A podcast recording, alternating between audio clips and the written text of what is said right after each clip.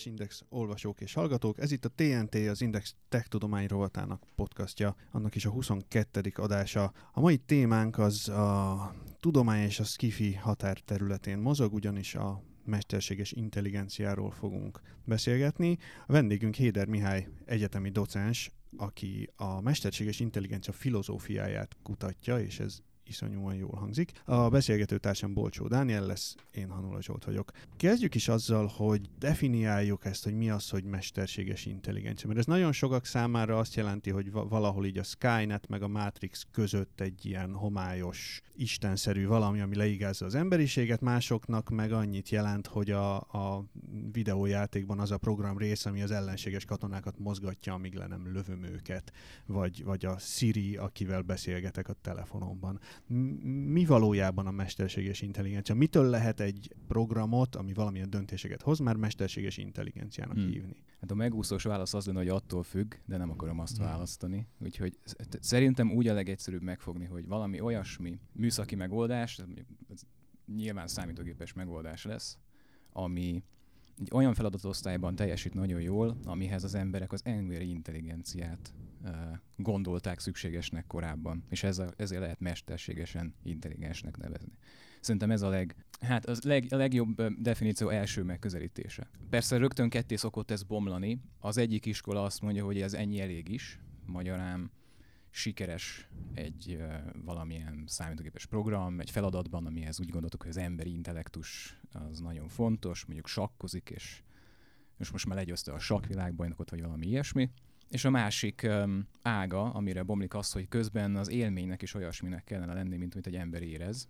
Tehát mondjuk tudatosság élménye van, vagy uh, hasonlóan összetett gondolatai, és um, és ez az utóbbi iskola azt fogja mondani, hogy hát igazából nem intelligens semmilyen gép, ez csak olyan imitáció, olyan kis funkcionálisan intelligens, de, de az igazi dolog az az, az utóbbi lenne, ez a erős vagy mélyebb mesterséges intelligencia. Tehát jól értem, nincsen ennek egy, egy exakt definíciója, ez, ez alatt minden kutató mást és mást ért, hogy mi az, hogy mesterséges intelligencia. A kettő között van az igazság, hogyha valaki elmegy egy informatikus képzés, akkor szinte biztos, hogy a Stuart Russell Péter Norvig féle EMI tankönyvből fogja az első EMI óráját tanulni, és ott egy mátrixba fogják ezt, amit most mondtam, bemutatni, hogy van néhány alapvető opció, és mi mérnökök, mondaná valaki az informatikus hallgatóinak, igazából azzal foglalkozunk, hogy hogy kell sikeresen megcsinálni, és ezért a belső, úgymond a belső fenomenológia ez nem érdekes számunkra, vagy van ez az erős, tehát ez az erős gyenge, ez egy nagyon ismert felosztás, hogy erős emi és gyenge emi, és a gyenge emi lenne az, ami külsőleg sikeres ugyan, de belül nincs ez a gazdag, hát bármilyen világ, ami egy embernek van. Tudatossága, érzelmek, stb. Tehát ezzel nem rendelkezik, és az erős emi lenne az, aki úgy igazán tényleg mélyen intelligens. Tehát ez, ez, egy, ez egy jó felosztás, és ezen belül lehet végtelenségig vitatkozni. Tehát az igaz, hogyha mélyebbre megyünk, akkor, akkor még számtalan érdekes al osztályt ki lehet találni. Most hol tart a tudomány? Melyiket értük már el, melyik van a, a küszöbön? És itt jön a, a következő probléma. Úgymond a gyengében nagyon jól állunk. Tehát ez empirikus kérdés, látjuk, hogy vezeti az autót, meg sakkozik, meg legyőz minket mindenfajta táblás játékba. Tehát akkor ebben, ebben nincs is nagyon nagy vita, hogy ez működik. Annak ellenére, hogy mindig vannak olyanok, akik azt mondják, hogy na de ennél tovább már nem fog eljutni. És amikor a saknál tartott, akkor azt mondták, hogy a a nyelvvel kapcsolatos játékokig nem fog eljutni. Aztán, amikor az IBM Watson nyert a Jeopardy című játékban, akkor, hát akkor, na jó, na jó, de akkor nem fog autót vezetni, és amikor már autót is vezet, akkor mindig van valami következő lépcső. Tehát ez az egyszerűbb része, de az, hogy a belső élménye milyen, az ugye nem empirikus, hiszem, és innentől muszáj filozófia kérdésé válnia, így lett belőlem is filozófus hogy eh, nem, nem tudjuk megosztani egymással a tudatosságunk vagy a belső élményeinknek a tapasztalatát. Viszonylag logikai ellentmondás nélkül megalapozottan gondolhatnám azt, hogy eh, csak nekem van tudatom ebbe a, ebbe a szobába, és akkor ti valami gyenge, mi-szerű megoldások lennétek, és bármit tennétek, hogy meggyőzzetek, az eh, arra azt mondhatnám, mivel a, a tudatosság élménye definíció szerint nem megosztható, ha csak Szóval a legtöbbek szerint ez, ez, ez, ez így van, hogy nem megosztható. Azt tehát nem tudnátok bebizonyítani ennek az ellenkezőjét. És ebből fakad az, hogy, hogy az erő semmit elértük-e már, az ebben a, ebben a vélemények szóródnak. mondjuk a pámpszihisták, akik szerint még az egyszerűbb dolgoknak is lehet tudatosság, ők eleve úgy gondolják, hogy nyilván valameddig jutottunk az erős emében, de egy erős mondjuk kartéziánus, aki az emberhez rendeli a lelket, és a lélek az teljesen más, mint a testnek a biológiai, fizikai működése, az meg azt mondaná, hogy a gépeknek mondjuk nincs lelke, és, és ezért nem. Mert Turing meg azt mondaná, hogy de mi van, hogyha a gépeknek van lelke? Zárója bezáró. A skifikben mindig eljön az a, a, a pont, amikor, amikor ugye a mesterséges intelligencia úgymond öntudatra ébred, és akkor, hogyha ez nem tudom, a Skynet, akkor rájön, hogy el kell pusztítani az emberiséget, hogyha ez a, a robotok a Westworldben, akkor rájönnek, hogy fel kell lázadni. Az általában arra fut ki, hogy, hogy el kell pusztítani az emberiséget. Ez a, ez a pont, hogy, hogy úgymond öntudatra ébred az emmi, ez értelmezhető? Ez létezhet ilyen dolog? Vagy ez, ez tényleg csak skifi? Ugye nem zárja ki egymást, elképzelhető, hogy ilyen dolog létezhet, ami ahhoz lenne hasonló, mint amikor mi felébredünk, vagy öntudatra ébredünk, mindenki csak így tudja elképzelni, tehát amennyiben ti is tudatosak vagytok, most ezt engedjük meg, Köszönjük. Hogy, hogy, hogy ti is tudatosak vagytok, nektek is van ilyen élményetek, és ez úgy, úgy gondolják, akik a gépekről ezt feltételezik, hogy ez egy hasonló folyamat lehet. És hát um, mondjuk a kamaszkor végén, vagy közepén emberek rájönnek dolgokra, hogy nálam nem is úgy van, meg a télapó nem létezik, meg a robotok rájönnek, hogy őket rabszolgasokba tartották, és akkor felázolnak. Ez nem szükséges feltétele annak, hogy a robotok kiírtsák az emberiséget, tehát enélkül a tudatos élmény nélkül is előállhat ez a dolog. Tehát, hogy ez kívülről úgy tűnik, mondhatná valaki, hogy tudatosak lettek, és kiirtottak minket, de valójában csak kiirtottak minket. Tehát a, a filmek, könyvek, skifiknek a, a világa gyakran pont azzal a kérdéssel foglalkozik, hogy hogy mikortól és miből tudjuk azt, hogy, hogy ettől a ponttól már intelligensek a, a gépek, és potenciálisan lázadhatnak ellenünk. De akkor azt mondod, hogy ezek szerint ez valójában nem is különösebben lényeges kérdés. Tök mindegy, hogy tudatosak-e, az a lényeg, hogy bármilyen másokból ö, veszélyesek lehetnek. Hát igen, hogyha ha csak ilyen a túlélés, a kis életem miatti aggódás szempontjából nézem, akkor nyilván ez nem olyan érdekes, hogy tulajdonképpen miért lő szét a Terminátor, vagy mit gondol közben és ezért, akik amiatt aggódnak, hogy az, az AI fellázad, ezért nekik nem kell elköteleződni amellett, hogy mert tudatos lesz, és aztán úgy lázad föl. Tehát um, Hawkingnek voltak erről cikk, Hawking és társa írtak erről cikket, Elon Musknak volt a nyilatkozata, és mások is. Uh, a legszervezettebb talán a Nick Bostrom féle uh, iskola ami ezzel foglalkozik, tehát ő nekik nem kell elkötelezni amellett, hogy ez az a tudatossággal együtt jár, hanem a nélkül is simán előfordulhat. Tehát ők tudnak logikailag önellentmondás mentesen rettegni az AI-tól, akkor is, ha nem hiszik, hogy egyébként szükségszerűen tudatos lesz ez.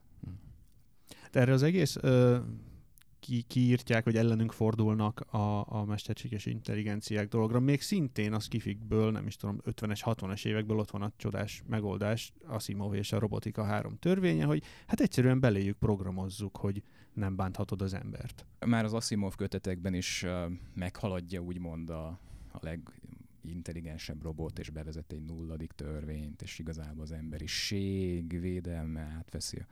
Tehát az igaz, amit ők erre mondhatnak, tehát a legjobb érvük ezzel szemben az az, hogy egyszerűen nem lehet ilyen dolgokat beprogramozni. Most az önvezető autót, ahogy mindig a szokásos példa szokott lenni, hogy beleírjuk, hogy hát ne, ne átson az embernek, és ezt interpretációs kérdés lesz, tehát a, a dilemmák mindig úgy kerülnek elő, na jó, de akkor meghal az utas, ha most letérek az útról, de ha nem terek le az útra, akkor meghalnak a gyalogosok, és, és ott van az Asimovi törvény, hogy ne árts az embernek, vagy valami utilitarista módon, hogy akkor kevesebb ember halljon meg. Tehát ne, nem túlságosan realisztikus, hogy ezek lefordíthatók ilyen egyszerű szabályokká. Ez olyan, mintha azt mondanánk valakinek, hogy legyen jó, és akkor még mindig az igazi, az igazi lényege az a, a konkrét helyzetben a konkrét döntés lesz, és nem, és ebből az, hogy legyél jó, ez nem fog kiderülni, mit, mit jelent az adott szituációban. Tehát morális értékelést fogsz végrehajtani. És akkor mégis milyen ö, eszközeink, vagy lehetőségeink vannak arra, hogy, hogy ö, valami fajta biztosítékot építsünk be, még mielőtt túl késő lenne? Mm. Tehát van-e valami technológiai módszer, vagy a jognak van itt inkább szerepe, törvényeknek? A, a válaszom az a tesztelés lesz, de visszalépnék egyet, uh, mielőtt csak ennyit mondok, hogy akkor tesztelni kell, hogy azért ez elég furcsa, hogy, hogy az emberekkel kapcsolatban, mintha nem aggódnánk. Neki vezeti a repülőt a hegynek, mert nem tudom, és akkor ez, hogy oké. Okay vagy, vagy hát szóval mit csinálnak az emberek a közúton, arról ne is beszéljünk az autójukkal. Szóval úgy tűnik, hogy egyfajta technológiai felvilágosodás van, hogy most már a gépektől magasabb, szóval magasabb szintet várunk el, mint saját magunktól. És szerintem ennek több oka van. Az egyik az, hogy, hogy úgy gondoljuk, hogy minden ember különböző, ami nem, tehát nyilván primer szinten igaz, de, de statisztikailag meg igazából kiderül, hogy, hogy, hogy hibázunk és hasonlóan hibázunk. És ezért, ha egy ember valami őrültséget csinál, vagy, vagy rettentes dolgot, vagy rettentes hibát vét, akkor nem vonjuk ki az összes embert a forgalomból. Hogy eh, hát a homo sapiens bizonyította, hogy balesetet okoz, és ezért az útról le kell vonulni. Ugye ez lenne a logikai ekvivalens mm. azzal a gondolattal, hogy a gépeknél akkor valahogy előzzük meg, vagy valahogy legyünk biztosak abban, hogy, hogy ilyesmi nem történik. És ami miatt mégse, mégse egyforma a két helyzet, hogy a gépek tényleg lehetnek egymás tökéletes másolatai. Tehát a Tesla önvezető szoftvere, az lehet ugyanaz, vagy egy verzión belül tényleg bitre ugyanaz. És akkor ebből az következik szerintem, hogy tesztelni kell, ahogy az embereket is teszteljük a forgalomba engedésük előtt a vizsgám, csak talán ezt lehet mélyebben sokkal nagyobb költségeket ráfordítva csinálni, mert elég egy példány, szinte biztos, hogy elég egy példányban tesztelnünk, vagy nagy rész elég egy példányban tesztelnünk, mert nem lesz specifikus a konkrét tényleges autóra, hanem csak a szoftverre, hogy amit tesztelünk. Tehát sokkal többet tudunk rá költeni, és ha, ha hiba van, akkor meg le kell nyomnunk a frissítést a, a járművekbe. Tehát én igazából olyasmin gondolkodnék ebben a szabályozási kérdésben, hogy a, a hibák kiavítása terjedj. Ne legyen transzparens, ne legyenek ilyen Boeing esetek, hogy valaki tudja, de valaki más nem engedi tovább a folyamatba, vagy nem foglalkozik vele.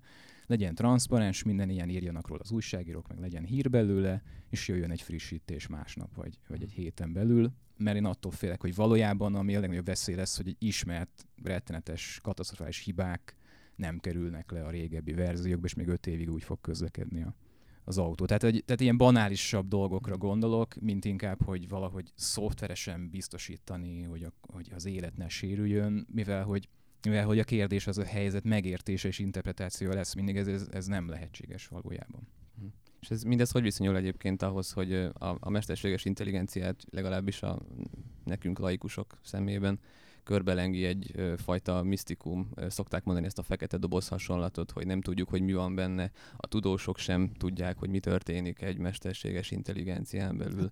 Ugye a gépi tanulás, aminek az a lényege, hogy, hogy egyszerűen felállítok szabályt a, az AI számára, aztán odadok neki adatbázisokat, és ő abból így magától tanítja saját magát, és egy idő után a programozója sem nagyon érti, hogy, hogy miért azt csinálja, amit.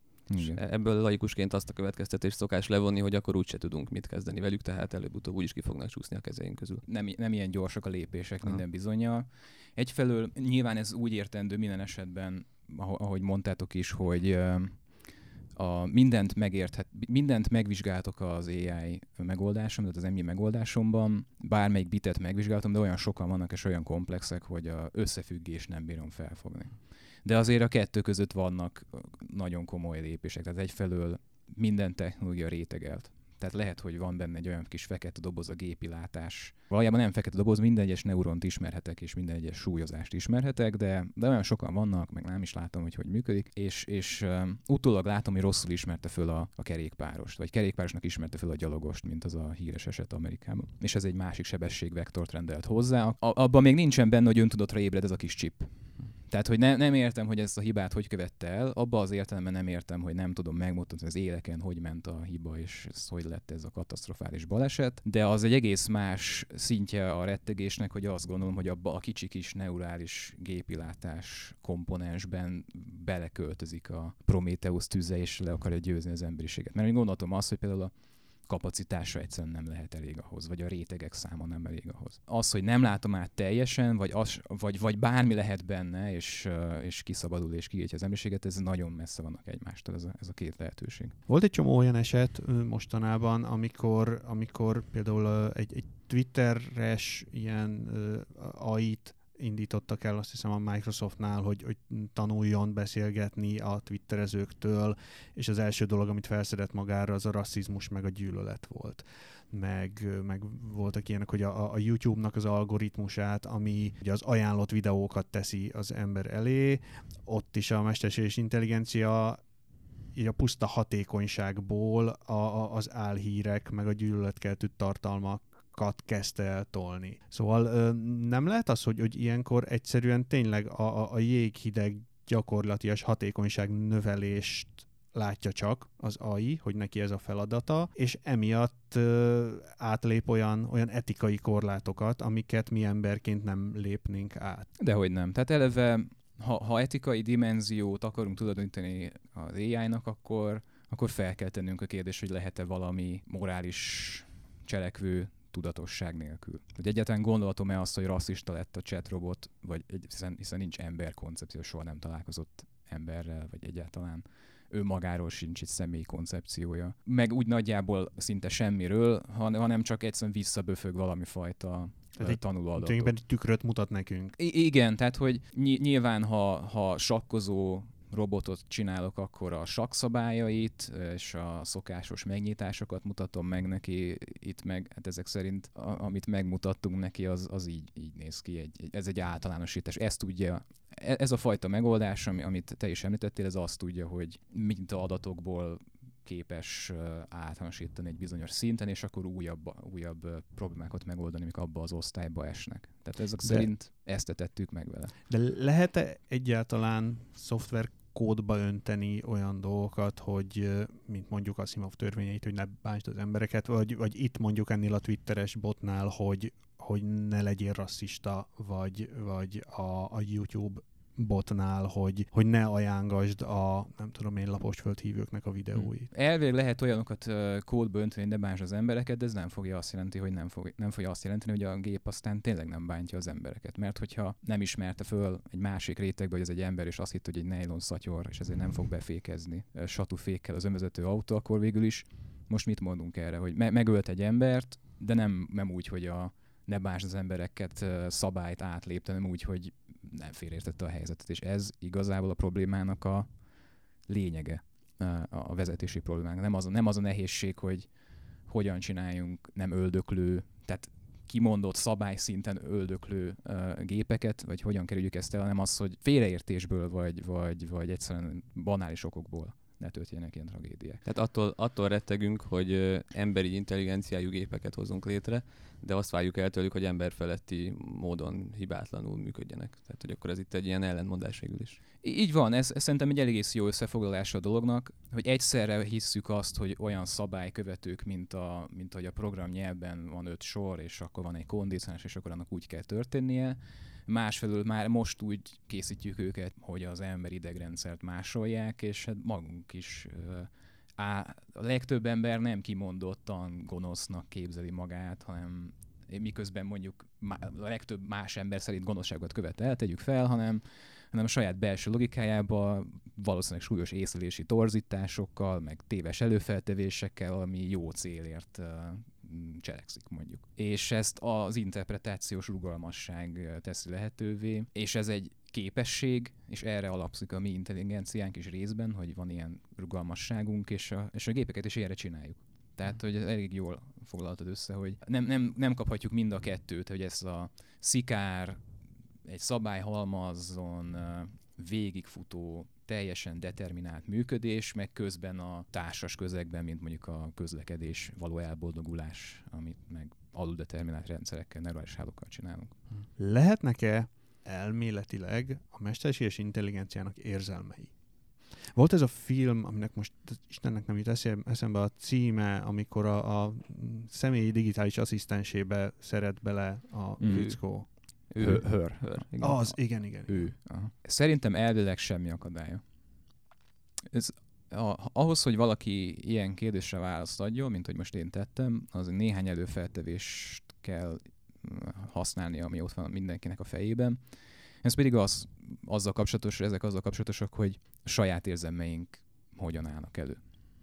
És ha, ha őszintén alapvetően arra vagyok meggyőző, hogy ez egy, ez egy naturalizált uh, világkép írja ezt le jól, tehát semmi transzcendens nincs benne, biokémia, meg sejteknek az együttműködése, tehát akkor végül is vigyázni kell ezzel a szóval, de végül is én is egy gép vagyok, csak nem úgy képzelem el magamat, mint egy egyszerűbb gép, mint az okos telefonom. Ebben a tekintetben hasonló gép nyilván legalább elvi szinten lehetséges. Ha más előfeltevéseim lennének arra, hogy a saját érzelemvilágomnak mi az oka, tehát mondjuk valami transzcendens vagy, vagy természetben nem lemásolható, vagy valami másokból nem lemásolható dolog lenne az, akkor, akkor mondhatnám azt, hogy elvileg sem lehet érzelme egy hogy mondtad, egy mesterséges intelligenciának. Uh-huh. A, még az előbb említetted azt, hogy, vagy nem is tudom, hogy melyik őtök mondta, hogy biológiai minták mentén folyik, vagy, vagy, vagy azok, azok által inspirálva folyik a fejlesztés. Szokták mondani ezeket a neurális hálókat, amik a, a gépi tanulásnak, tehát a mai értelembe vett mesterséges intelligenciának az alapját jelentik. Egyrészt mennyire tartod ezt pontosnak, mert lehet olyan véleményekkel is találkozni, hogy, hogy kicsit el van túlozva ez az analógia, és valójában azért ez messze van a, a valódi biológiai működésmódtól.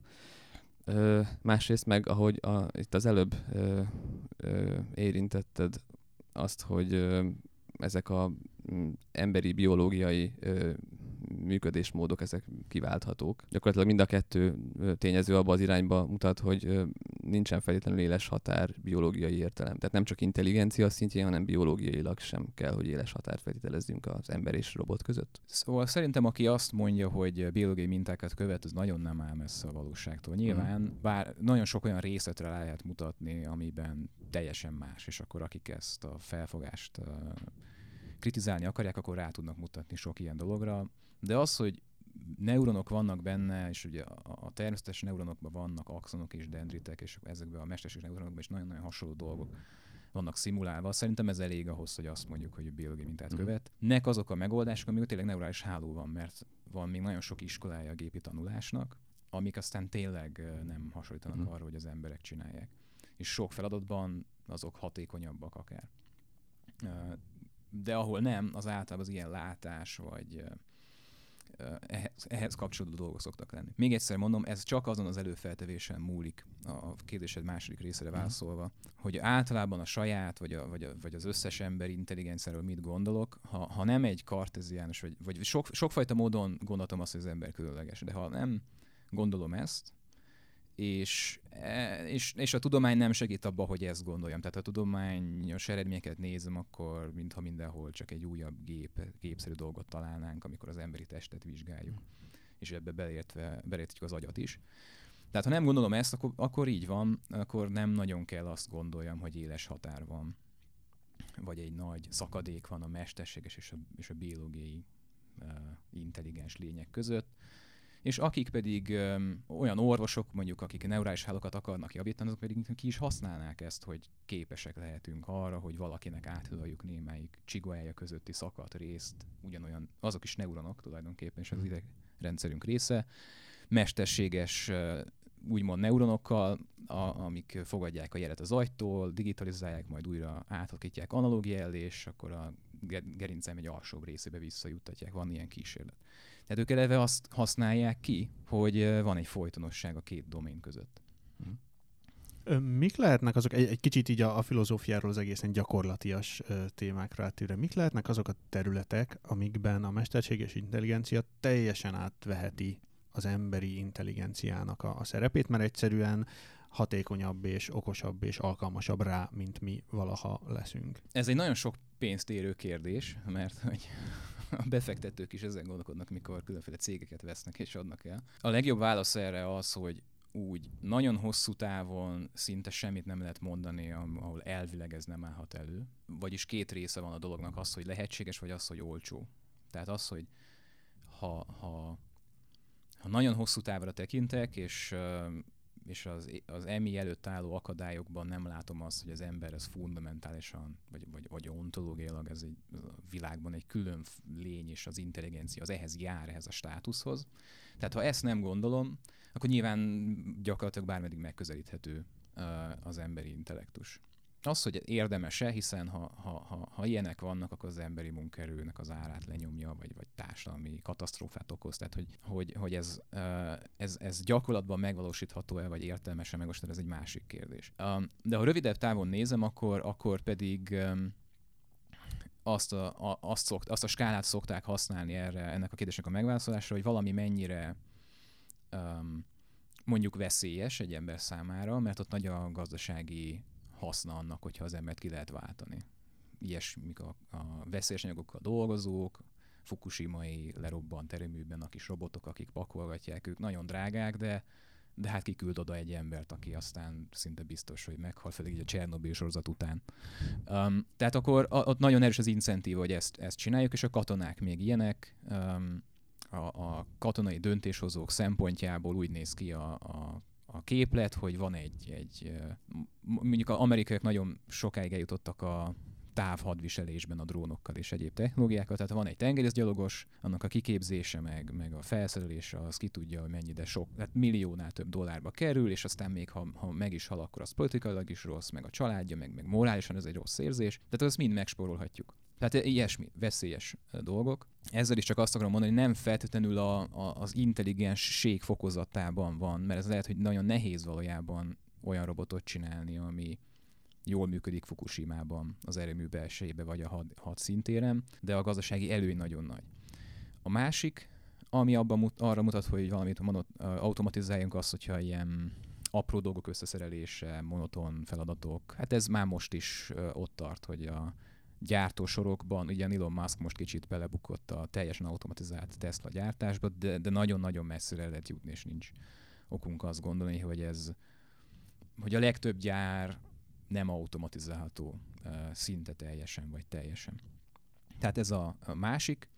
És a harmadik irány az a, az olyan adatkezelés, ahol az ember az adatmennyiség miatt eleve hátrányban van, viszont az adatoknak a jó feldolgozása meg valami előny biztosít. Tehát ilyenkor rögtön a számítógépre fogunk gondolni, és ez akár banki középvezető is lehet, aki esetleg úgy gondolná, hogy ő neki biztos az állása, mert nem, nem taxisofőr, vagy nem valami fajta gyári munkás, de lehet, hogy az ő szintjén nagyon jól kiváltható azért, mert úgymond nem a fizikai világban történik a, a munka, tehát nem kell megküzdeni azzal, mint egy taxisnak, mondjuk a budapesti felfestéseket. Mindig ezen gondolkodom, hogyha önvezető autók szóba kerülnek, hogy na, e- és, és vezetek, hogy na ezt a felfestést vajon hogy értette volna meg a, itt a rakparton, vagy akárhol.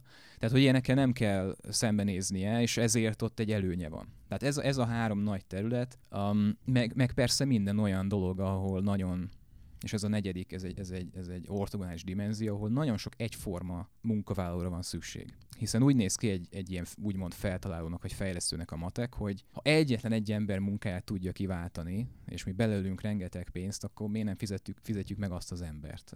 A, viszont, hogyha van Uber sofőrből az egész világon elvileg ugyanazt csinálják, és ez kérdés, ez tényleg így van-e. De az autóvezetés, mint skill, ami képes működni itt Budapesten, és ugyanúgy nagyjából képes Amerikában is működni, ha ez kiváltható, akkor bármilyen nehéz is, hirtelen rengeteg pénzt lehet érte kérni, mert rengeteg ilyen feladat van. Tehát ez egy, ez egy negyedik dimenzió, és, és ez csak a terület mérete, hogy egy jó megoldással hány állást lehet lefedni, mondjuk így. Vannak olyan szakmák, amik immunisak, vagy immunisnak látszanak egyenlőre arra, hogy a, a gépek átvegyék? Tehát az oké, okay, hogy, hogy hamburgert sütni, vagy, vagy kamiont vezetni, azt belátható időn belül fognak tudni a gépek is, de, de nem tudom én, egy pszichológus, vagy, vagy egy lelkész, vagy Igen. szeretném azt hinni, hogy egy újságíró. Egy egyetemi oktató. Egyetemi oktató. Még egyszer mondom, tehát a nagyon hosszú távra a teljes immunitás senkinek nem lehet garantálni, ha csak nincs valami olyan ismeretlen akadálya a mesterség intelligenciának egy elvi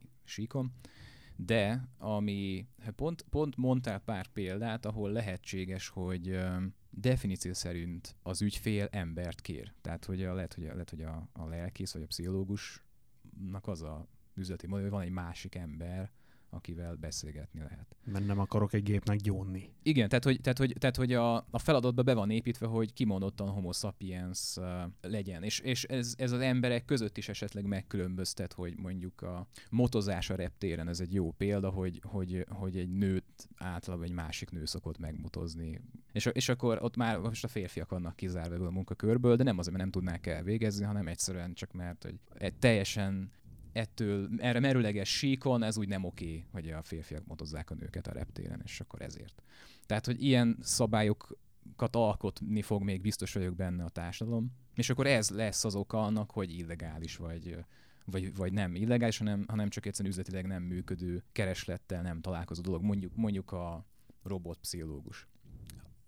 De ezt csak példaként mondom, pont, pont abban egyébként el tudom képzelni, hogy simán lesz AI. De hogy valami másik szakma. Igen, miközben mondtam, jöttem rá én is, hogy lehet, hogy pont egy, egy gépi pszichológusnak könnyebben megnyílik az ember, és könnyebben mond el olyan dolgokat, amiket mondjuk szégyel, vagy ilyesmi, mert hogy pontosan tudja, hogy, hogy a, a, a gép az nem fogja őt lenézni, Igen. elítélni. Erre, erre van is bizonyíték. Weizenbaumnak az Eliza programja, ami valamennyire híres, mert az az első chatrobot.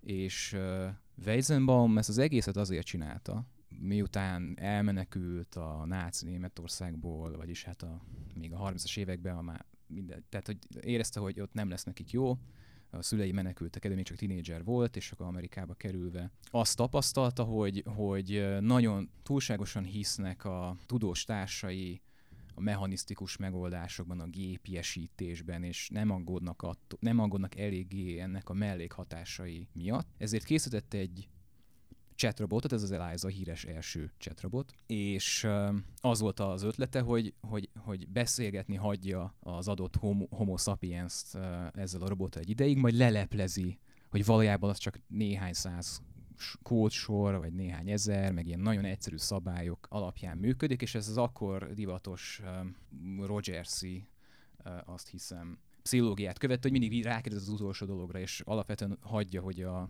hogy a páciens vezesse a beszélgetést. Tehát egy olyan robotot csinált, ami nek beírtál valamit, és, és, és valahogy az utolsó mondatokra visszakérdez. És ezt meg lehetett csinálni azon a szinten. Tehát most több évtized távlatában vagyunk. És ahogy leleplezte, ez, ez volt az ötlet, hogy majd leleplezi az embereknek, és így csalódnak, átmennek egy, egy ilyen görbén, hogy először így lelkesek lesznek a chat robottal, majd pedig hogy átlátnak a trükkön, vagy meg is, mint a bűvész mutatványnál megismerik, hogy mi, a, mi, a, mi az átverés, akkor kiábrándulnak, és így jobban megértik a gépeket, és azt, hogy ez milyen korlátozott a, annak a lehetősége. Ezt gondolta Weizenbaum.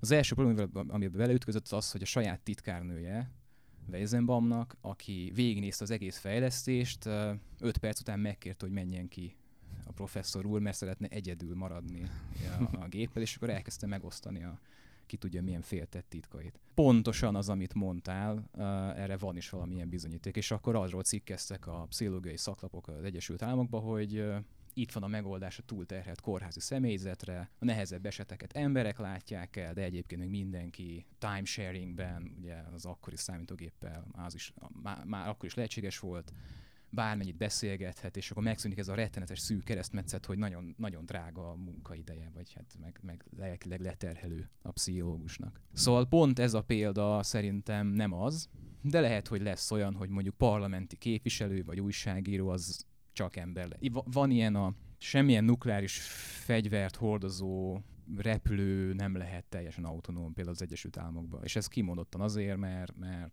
mert csak. Tehát, hogy... Hú, tényleg ezt akartam is kérdezni, az ilyen katonai fejlesztéseknél, hogy hát erre válaszoltál is, hogy, hogy itt húztuk meg azt a vörös vonalat, amit nem lehet átlépni? Tehát, hogy, hogy csak atombombát nem dobhat a robot, de egyébként lőni már lőhet? Ez, ez változik hadseregről hadseregre, nem, én nem ismerem a teljesen pontos szabályokat. Tudom, hogy általában az a, az, az irány, hogy életről ne döntsön. De nem olyanokból, tehát, tehát egy, valami fajta olyan morális megfontolásokból egy texasi technika filozófia konferencián magyarázták ezt el nekem, az ottani hadseregnek a nyugalmazott tisztjei, hogy, hogy valahogy a, a megölve levésnek a, a ahhoz hozzátartozik, egy ember volt a puska másik végén. Tehát a dignity of killing, nem is tudom, hogy hogy fordítanám ezt le.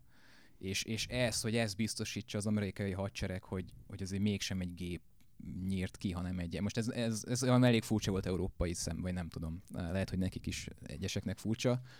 Um, tehát, hogy um, ilyen ortogonális morális, visz, morális megfontolásból, hogy hát mégis az emberek életéről emberek döntsenek, mert ez így helyes, és biztos, hogy én nem tudom most jól visszaadni, hogy ennek milyen lépései vannak, hogy ez miért így helyes, de nem olyan megfontolásból, hogy hibát fog elkövetni, vagy, vagy rosszabb lesz, a, a, a, a több civil fog meghalni, mint ha emberek döntenének. És szerintem ez lehet, hogy azért van így, mert ha ezt megkapargatnánk, akkor kiderül, hogy az emberek elég sok rossz döntést hoznak a csatatéren. Szóval, hogy van egy ilyen irány, és én úgy tudom, az amerikai ami a legnagyobb haderő, meg legmesszebb jutott ebben, ott, ott ez az irány, de hogyha van valami, amiről nem, az könnyen lehet, hogy van, amiről nem tudok. De láttam olyan videót Dél-Koreából, ami az észak-koreai határt figyelni, és ez egy javaslat volt, egy megoldási javaslat, hogy így beszél egy géppisztolyjal felszerelt robot, hogy állj meg, és tényleg állj meg, és meg ötször elmondja, meg, meg hangosabban elmondja, és aztán lőni kezd. Nem biztos, hogy ezt valaha bevetették, vagy felszerelték a, azt a határt ezzel, de tehát ezt, ezt minden kormány fogja eldönteni, vagy minden hadseregnek a, a döntéshozói külön eldönthetik, hogy, hogy hogy szeretnék. Szóval nem tudom azt mondani, hogy van egy akármilyen irány valójában. De nincs is erre valami igény, hogy ezt nem tudom én az ENSZ-ben így összeüljön a sok okos ember, és azt mondja, hogy na, mint ahogy azt összeültek, és azt mondták, hogy embert nem klónozunk, úgy kimondani de, azt, de, de, hogy... tehát, hogy nagyon sok törekvés van a mindenfajta ilyen halálos, halált ö, okozó döntés ö, se kapcsolatban, de hát ugye volt a taposóaknál. Tehát, hogy, tehát, hogy, tehát, hogy ez nyilván nem kényszeríti ki, hogy, hogy, hogy az úgy be is következzem. Illetve szerintem ezek a megfontolások, ezek nyomás alá kerülhetnek hosszú távon, hogyha, hogyha, hogyha észrevesszük, hogy, hogy a, a homo sapiens katonák meg, meg egymás füleit gyűjtik, meg, meg, meg erőszakolják a lakosságot, amikor odaérnek, és stb. stb. stb. stb. Hogy tulajdonképpen valójában azt kellene mondani, hogy ne háborúzunk így se, meg úgy se, és, és ennek a keretében akkor ennek az egyik lába az, hogy ne legyenek öldöklő gépek. De ha valaki azt kérdezi, hogy egy öldöklő ember vagy egy öldöklő gép között kell választani, és, és az egyik az a harcmezőn hoz döntést, a másikba beleprogramozzák, hogy akinél van, nem tudom, valami olyasmi, olyasmi szabályt, amit, amit az ellenség is megismerhet. Tehát mondjuk nincs nála fegyvernek látszó fémdarab, akkor mondjuk nem nyit tüzet, és ha van, akkor meg tüzet nyit, és ennyit tud, és nyilván ebből rengeteg félértés is lehet. Lehet, hogy ez jobban kezelhető az ellenségnek, mármint hogy annál a katonál, akinek most a társát lelőtték, és meg fogja bosszulni, és egy egész családot kép. Szóval, ha az a kérdés, hogy egy ember helyett egy gép legyen, akkor szerintem nyomás alá fognak kerülni ezek a, ezek a policy vagy ezek a szabályok. Ez egy kicsit arra felé vezet, ami szintén a, a skifikben egy, egy ilyen sokszor előkerülő gondolatmenet, hogy igazából ha a robotok már mindent tudnak, amit mi, de ott van egy csomó előnyük, hogy nem kell nekik aludni, nincsenek ott a, az emberi testnek a, egyszerűen az élettartama, stb. Hogy akkor ők, ők tekinthetők a mi evolúciónk következő lépésének? Tehát ahogy a, ahogy a Agent Smith mondja a Matrixban, hogy az emberi faj az, az egy betegség, az, az a rák, és mi, a mesterséges intelligencia, vagy a gépek, mi vagyunk a gyógyír. Hát pusztán azért nem mondanám az evolúció következő lépésének, hogy szegény biológusok ne haragudjanak, akiknek van jó definíciók arra, hogy a fajok egymásból alakulnak, és ez itt nem igaz, itt megtörik. De de ha tágabb... Olyan szinten belőlünk alakulnak, hogy mi találtuk ki őket, mi írtuk le a programkódjukat. Igen, tehát hogy valami tágabb, nem biológiai értelemben, meg akkor azt mondanám, hogy az evolúciónál az a, az a kritérium, hogy, hogy a fennmaradás irányába történik egy elmúlt. Tehát, hogy aki, aki ma, azok a fajok, akik ma életben vannak, azok nyilván az evolúciós előtörténetük olyan, hogy, hogy legalább elégséges mutációk vagy akármik történtek ahhoz, hogy ez megtörténhessen. Tehát ez azt fogja eldönteni, hogyha, hogyha ha a világra ránézek, és azt látom, hogy vannak emberek és vannak mesterséges intelligenciák, akkor ez egy koevolúció, mint hogy a fajok is közös élettérben egymás által okozott tényezők mentén is fejlődnek, tehát mondjuk az ai -ok az emberi adat ember által az adathalmazokat használják, vagy, vagy az infrastruktúrát, vagy bármi. Ha az lesz, amit az Agent Smith szeretne, hogy már csak a gépek vannak, és a bolygó nincsen ember, akkor pedig lezajlott a, a fajcsere, és kiszorította az egyik a másikat. Tehát, hogy igen, tehát ebben a tágabb értelemben, nem biológiai értelemben, de ez,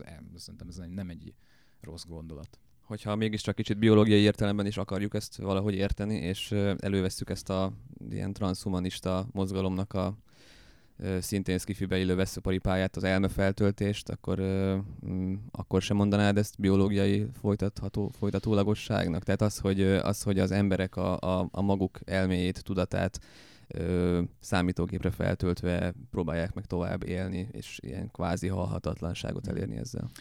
Csak azért nem, hogy, hogy ilyen banális fogalomtechnikai jogból, hogy kimondottan az a céljuk, hogy ne biológiai legyen az az ember. Mert uh-huh. hogy az a jó a posztbiológiai emberben, hogy nem bomlik meg, nem öregszenek meg azok a szegény idegsejtek, és így tovább, mint a biológia. Tehát kimondottan az a biológia meghaladása a célja, és ez a fogalom nem működne így. Uh-huh. De, de értve, amit mondasz, igen, egy következő lépcsőként elképzelhető, amennyiben ez így működik, mármint az elme feltöltés valóban és, lehetséges. És egyébként lehetne még akkor embernek tekinteni azt, a, azt az elmét, ami, ami már nem biológiai, nem tudom, hardveren fut, hanem, hanem technikai infrastruktúrán.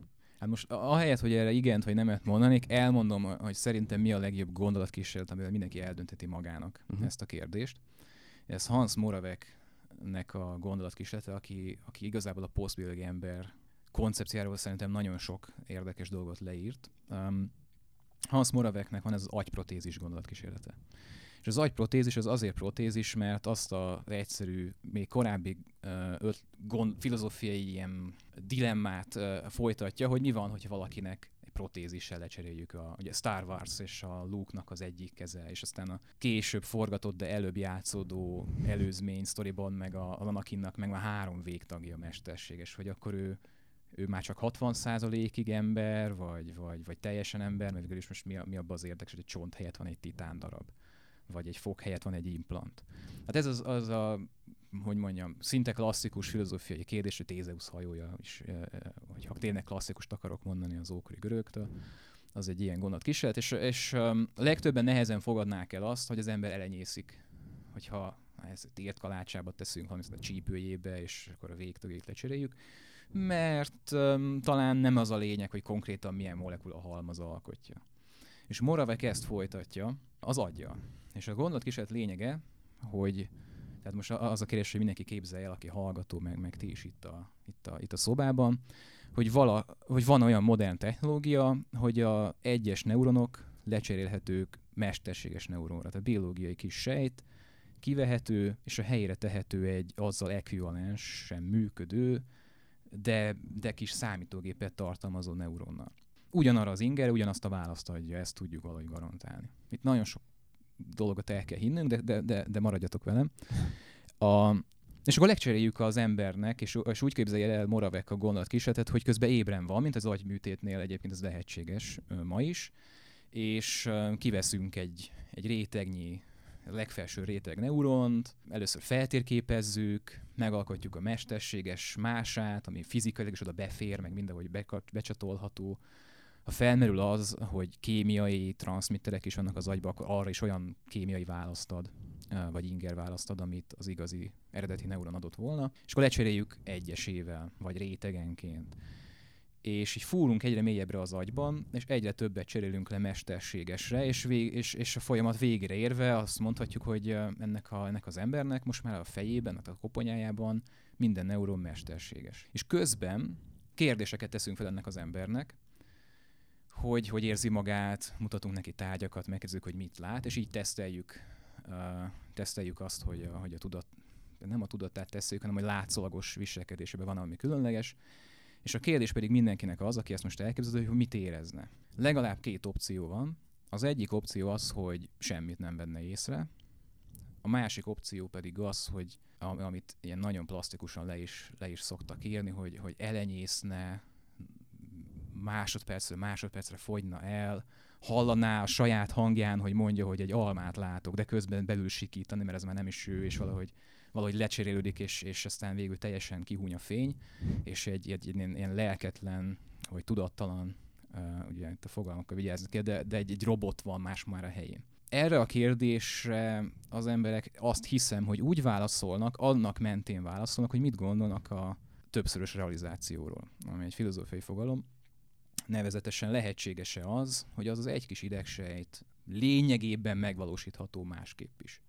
Tehát molekulára nyilván lecserődik, de a testünk amúgy is elég sok mindenben lecserődik. Tehát, hogy um, ha elfogadjuk azt, hogy önmagunkkal folytonosak vagyunk hosszú időn át, miközben tudjuk, hogy az anyagcserénk az molekulás szinten nem teljesen, de nagy rész kicserél minket, akkor akkor az többszörösalizációt is elfogadjuk valamilyen szinten. És akkor kérdés, hogy az adja, ami van. Tehát aki azt gondolja, hogy hát végül is az idegsejt ugyanazt csinál, és tényleg ez ugyan szifi, de ha tényleg meg lehet csinálni, és a hormonok is, és mindenre ugyanazt válaszolja, akkor ugyanaz lesz az érzése. Ugye ezzel azt is mondja, hogy nincs semmi transzcendens tényező, amit közre játszik, és amit most elvesztek, hogy hogy Descartes szerint a dobozmirigy a, a, a wifi uplink a lélekhez, bocsánat, hogyha aki aki ebbe komolyban hisz, valószínűleg nem így, nem így mondaná, és, és akkor azért van az, hogy akiknek komoly felsülése van, azok ilyen furán viselkednek, mert nem a lelkük sérült, hanem, hanem, hanem az összeköttetés. Szóval, hogy ha ez, ha ez nincs, és elfogadja valaki, hogy ugyanaz történne, azaz most redukáltuk a problémát az egyetlen sejt szintjére, és feltételezzük, hogy a sejtek összjátéka adja ezt a mentális élményt, amit átélünk, akkor a, ugyanaz az ember kell, hogy legyen. Mégpedig azért, mert ha ezt nem fogadná el valaki, aki még egyszer mondom a, a, ebben a naturalizált keretben gondolkodik, akkor ő magával se lehetne folytonos. Nem mondhatná azt ugyanaz az ember, mint egy évvel ezelőtt. És értem, hogy egyébként itt van más gond is, hogy graduálisan tényleg változunk, hát én tényleg nem ugyanaz az ember vagyok, mint egy évvel ezelőtt, de, de hogy mégis azért mégis folytonosnak is érzem magam ilyen lényeges dolgokban. És ez csak úgy lehet lehetséges, hogy akkor az engem alkotó anyag lecsődése ellenére én nem, nem ezzel az anyaggal azonosítom magamat. Uh-huh. Tehát valahogy a nagyon, nagyon durva materializmus és a transzcendens között valamilyen funkcionális szinteken találom meg magam, és ezért a konkrét kis megvalósító kis alkatrész kicserélhető. Tehát akkor ilyen értelemben, aki úgy próbál megvédekezni a, a gépek térhódítása ellen, hogy nagyon ehhez a naturalista biológiai valónkhoz köti ezt a dolgot, tehát nagyon a testünkhöz, a biológiánkhoz, az kicsit akkor pont az ellentétes hatást írja el ezzel az érveléssel. Bizony, az nagyon nagyot kockáztat, mert hogy úgy tűnik, hogy a trend, tehát a tudományos ismeretek bővülésének a trendje az az, hogy Na hát, a mitokondrium az egy kis gép, és úgy is szoktak róla nyilatkozni, hogy a sejtek erőműve. Na és a szív is egy gép, billentyűk vannak benne, amik szelepek, és nem engedik, hogy rossz irányba folyjon a vér. És, és a neurális, és a és, és így mindennél megtalálják ezt. Most a, most a gép fogalma kitágul emiatt, de mégiscsak egy naturalizált, ismert, megismerhető módon működő valamicsoda.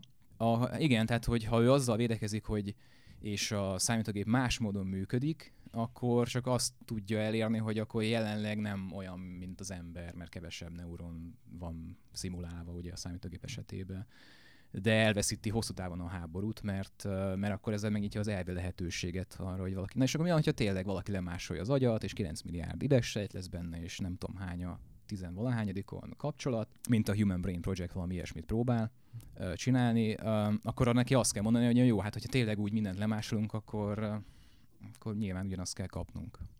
Igen, ez kicsit olyan, mint, a, mint az Altered Carbon, aminek most megint nem jut eszembe a magyar címe, amikor konkrétan testeket lehet cserélni, és a, a, a tudatunkat bármilyen testbe letölteni, és ott ugye többek között a, a, azt boncolgatja, hogy mennyiben befolyásolja a mi tudatunkat, hogy most éppen milyen testben létezünk. Igen, igen. Uh, na, az pont, pont jó példa egy másik irányú kritikára, mert valaki viszont mondhatná azt, és ez uh, a többszörösalizáció elfogadása mellett is kritika, hogy de én csak pont ebben a testben érzem magam úgy. Tehát, hogyha most egy két méteres, és nem tudom, nem látják, hogy nem vagyok két méteres, de hogyha egy teljesen másik fajta testbe kerülnék, nem biztos, ugye ez nem a többszörösalizáció, eltérünk attól a programtól, hogy mindent ugyanúgy lemásolunk, és tényleg ugyanaz lesz. Az én neurális rendszerem az azért kiterjed a testem, és ez, ez, egy, ez egy jó kérdés, hogy tényleg csak ott a koponyán belül dolgok érdekesek, és van fejátültetésre úgy lehetőség, hogy ez ugyanolyan élményem lenne utána, vagy, vagy a megtestesülésem sokkal jobban számít, mint én hiszem. Tehát ez egy más irányú kritika lenne, hogy az Altered Carbonnal szemben, hogy valójában ez mennyire realisztikus, az egész most amellett, hogy elfogadjuk, hogy vannak ezek a stacknek nevezett, nem tudom mik, amik bele vannak töltve az embereknek a tudatai, és akkor ez teljesen különböző testekbe betölthető, és, és felébrednek, és nem mennek is gyilkolni. Tehát, hogy ez mennyire lehetséges így, szerintem meg az, az a jó kérdés. Te most mit látsz jelenleg a EMI fejlesztés csúcsának? Mi, mi az a, a teljesítmény, ami, ami a legnagyobb dolog jelenleg ebben? Szerintem a Alpha Zero, ami egy, egy nagyon nagy általánosítású erejű általánosító erejű, tehát abstrakciós képességű, ilyen mély tanulási módszer. Ez a, ez a Google-nek, ez az AI-ja, aki Hát hát most, saját hogy- magától megtanulta most, a a- Go szabályait, és lenyomta a világbajnokot? Valami ilyesmi a Valami ilyesmi, az, hogy külön céget csináltak-e belőle, és az Alphabet levesnek a rész, vagy most ez hogy van, ezt már nem is tudom. A De- DeepMind ö, nevű céget vásárolta föl a, a Igen. Alphabet, ami a Google anyacége, és a DeepMind fejleszti hivatalosan, de ennek a Google birodalomnak a, a része. Tehát az Alpha Zero az na- nagyjából, amit mondasz, a legújabb verziója az képes volt megtanulni sakkozni és gót játszani.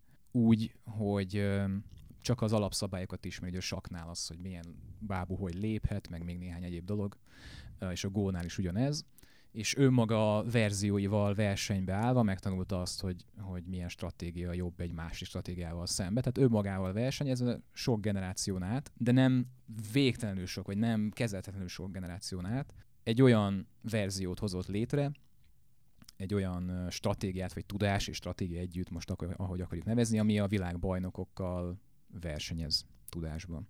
És szerintem ez most a leg... Ez mire lehet jó a gyakorlatban, azon túl, hogy a, a sakkozókat nagyon szomorúvá teszi? Hát ez arra lehet jó, hogyha bármilyen kicsit is analóg problémát találunk, ami nyilván nem egy táblás játék, hanem valami mondjuk a munkavilágában hasznos, hasznos dolog, ami mégis így lefordítható, akkor most tanuló, igazi tanuló adat nélkül lehet, vagyis akkor úgy mondom, hogy saját magunk által adott tanuló adatból lehet egyre nagyobb eredményt elérni. De ez nekem annak előkövetem, hogy milyen feladatosztályban jó ez. Tehát ebbe az a nagyon nagy szám, hogy nem a megnyitási adatbázis és a világon lejátszott összes sak, nyilván nem az összes, de hogy a hatalmas sakjátszma adatbázis és, nem, és emberek tudása és heurisztikája van benne, hanem hanem indul adat nélkül. És, és ha, ha megszoktuk azt, amit szoktak mondani, hogy a, a, a kulcs az a nagy adathalmaz, meg a big data, ez egy lépés pont ennek a korlátnak a legyőzése felé, hogy valakik esetleg még big data nélkül is elég messzire eljuthatnak, még egyszer mondom, nagyon korlátozott feladat, feladat osztályban. Tehát szerintem ez a leg. Val- valami példát most. mondjunk erre. Tehát én most úgy képzelem el, hogy akkor mondjuk, ha beletöltjük a, a AlphaGo, AlphaMind, mi a neve? Alpha Zero. Zero. ez Szóval, hogyha ha ő, ő megkapja azokat az adatokat, hogy nem tudom én, hogyan működik a, az emberi agy, akkor ő, ő ki tudja azt számolni, vagy kisakkozni, vagy rájönni magától, hogy nem tudom én, mitől van Alzheimer-kór, és kitalálni annak a, az ellenszerét. Vagy itt most behelyettesíthetjük x darab betegséggel. Igen, szóval pont, pont ez mutatja, hogy hol van ennek a korlátja. Tehát itt valami oly, a, a, a sakban az az érdekes, meg a, a táblás játékokban, hogy miközben tehát, tehát, hogy, tehát, hogy nem kell empirikus vizsgálatokat végezni annak az eldöntésére, hogy most nyertünk-e vagy nem. Tehát ha ismerem a táblán a, a, éppen a, a bábuk elosztását, vagy elhelyezkedési pozícióit, akkor világos, hogy uh, vége a játéknak, és nyertünk. Amiket mondasz, azok olyanok, amikor a folyamat során konkrétan empirikus adatra lenne szükség. Azaz valahogy a világ, a valóságos világ. Jó, ez, ez, zavarom a fogalmat, mert nyilván a sakvilágos valóságos, de hogy, de hogy egy külső, a folyamat szempontjából külső világnak a, hoz fordulás és onnan visszatérés. Tehát ez sokkal inkább szerintem mondjuk valami fajta tehát a játékokon kívül, ahol egyértelmű, hogy ez, ez hogyan fog működni, ah- ahol, ahol azért nem olyan nagy a, a, a, az, hogy a- az empirikus valósághoz kell fordulni, tehát eleve, eleve digitális térben van valami. Tehát sok, sok nagy részt, és értem az elmetést, hogy, hogy miért nem teljesen, de mondjuk mondjuk a tőzsde világ az érdekes lehet, hogy ott meg lehet tanulni valami olyasmit egy ilyen alfa zéróval, amire senki nem gondolt, és már az a kevés adat is elég, ami nem is olyan kevés, de van a tőzsdével. De ez nem mondjuk nem táblás annyira játék. megnyugtató. De a, a- az ellenvetés az az, hogy az egyszerűen az emberi döntéseken is múlik, ugye amíg ez így van, és nem ilyen ETF alapokban uh, parkoltatjuk a pénzünket, és nincsenek igazi döntések, hanem csak ilyen kosarakat veszünk meg, és ezért azt soha nem fogja tudni előrejelezni. Ez a válasz egyébként um, arra is, hogy miért nem pusztítja el az AI az emberiséget. Vagy az én véleményem szerint a legnagyobb szűk keresztmetszet az, hogy, az, hogy a, a, a nagyon okos embereknek, hogy mondjam, az emberiségnek sem az a fő akadály jelenleg a tudásban, vagy az ismeretszerzésben, az előrelépésben, hogy nem elég okosak. Ha megnézzük azt, hogy a sötét anyagról milyen teóriák vannak, akkor azt látjuk, hogy van számos teória, mindegyik úgy valamennyire megállná a helyét esetleg, de hát valami empirikus adat, egy jobb távcső, egy jobb, nem tudom milyen műszer, vagy ha nem a sötét anyagról beszélek, akkor valami részes anyagoknak az ütköztetése, valami olyan eredményeket hoz, hogy az egészet letakarítja az asztalt, és akkor egy adott irányba lehet menni tovább. És a, az emberiséget elpusztító westworld uh, vagyis hát ezt még nem, nem tudjuk, ugye, még csak most jön az új évad, de hogy ezekben a szifikben pedig valahogy úgy van elkezdve, hogy valaki mintha, mintha megszületnél egy sötét szerverterembe, és elolvashatnál mindent, ami az interneten van, de nincs, nincs igazából tested, amivel be tudod járni ezt a világot, és nincs laborod, amivel tudsz kísérletezni, de olyan okos leszel mégis, hogy, hogy mindenkit megölsz és lenyomsz, és uh, mindenkit dominálni fogsz. Miközben most is az empirikus adat a, a szűk keresztmetszet. Tehát akkor kell félni, hogyha kiszabadul a mesterséges intelligencia, és a részecske gyorsítót épít, de valami olyan, olyan fajtát, amit az emberiség még nem épített, meg olyan tárcsövei vannak, és akkor ő birtokába jut annak a természeti törvénynek, amivel azt a bombát megcsinálja, ami és ezt mind átlépik általában a szifik, és az, hogy van egy ilyen központi számítógép, az egész bolygónak a védelmi rendszerét szabályozza, és a gonosz AI azt töri fel, és akkor így mindenkit meg, ugye ez a Skynetnek a, a sztoria. Szóval, hogy ismeretelmeti szinten van a szűk keresztmetszet, és nem a kognitív vagy az intelligencia képességében, vagyis ismeretelmeti, empirikus szinten van a, a, a szűk keresztmetszet, és ez, a, ez szerintem az igazi gond. És ez az AlphaZero-nak is a, az Achilles sarka, hogy olyan feladatra jó, ahol világos szabályok vannak, de a stratégia nagyon komplex, mint a Go. Hogy, hogy nem tudja elmondani a Go világbajnak, hogy egész pontosan mit csinál. Ilyen, ilyen magas szintű mondatokban meg tudja fogalmazni, hogy hát megpróbálom az ellenséget beszorítani, meg nem tudom de hogy az, hogy konkrétan milyen lépésekben áll, ezt nem tudja elmondani. Tehát ehhez kéne valami analógot keresni. Ami viszont nem empirikus, tehát az, hogy mit csinál egy molekula az Alzheimerrel, az lehet, hogy itt nem lehet kiszámolni. Hmm. És ezért a legokosabb gép se tudja kiszámolni. Egy csomószor vissza-visszatértünk a, a skifikhez. Mi az a skifi? Legyen regény, film, bármi, ami szerinted a legrealisztikusabban mutatja be a mesterséges intelligenciát?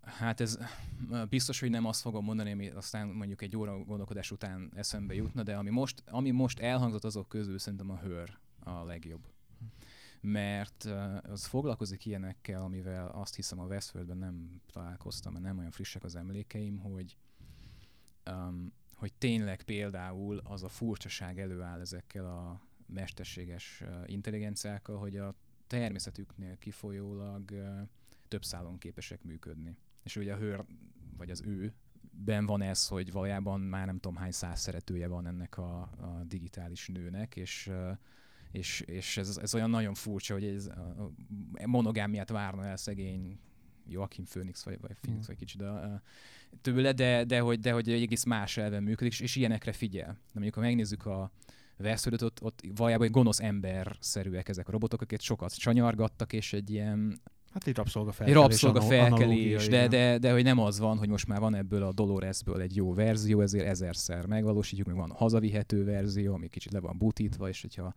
ha elkezd gonosz lenni, visszatöltjük a biztonsági mentést. Tehát, hogy az, hogy azok egyszerre azért számítógépek is, meg emberrel vetekedő intelligenciák, ebből jönnek szerintem érdekes dolgok. És ezért, ezért jó a hőr. Egyrészt realisztikus az, hogy nem egy egyébként egy, egy gyönyörű nő, és nem lehet megkülönböztetni az, hogy robot vagy biológia, nem csak egy hang. Tehát szerintem ez önmagában egy, egy, föld, egy ilyen földön járó, tehát nem el, elszállt elem benne. És a másik az, hogy itt az idődimenziók, meg a számosságok kérdését felveti. És ez nekem, ez, erre nagyon emlékszem, ez nagyon tetszett. Úgyhogy most ezt mondom, de biztos, hogy egyébként is gondolkodás után még, még lehet jobb szifiket találni.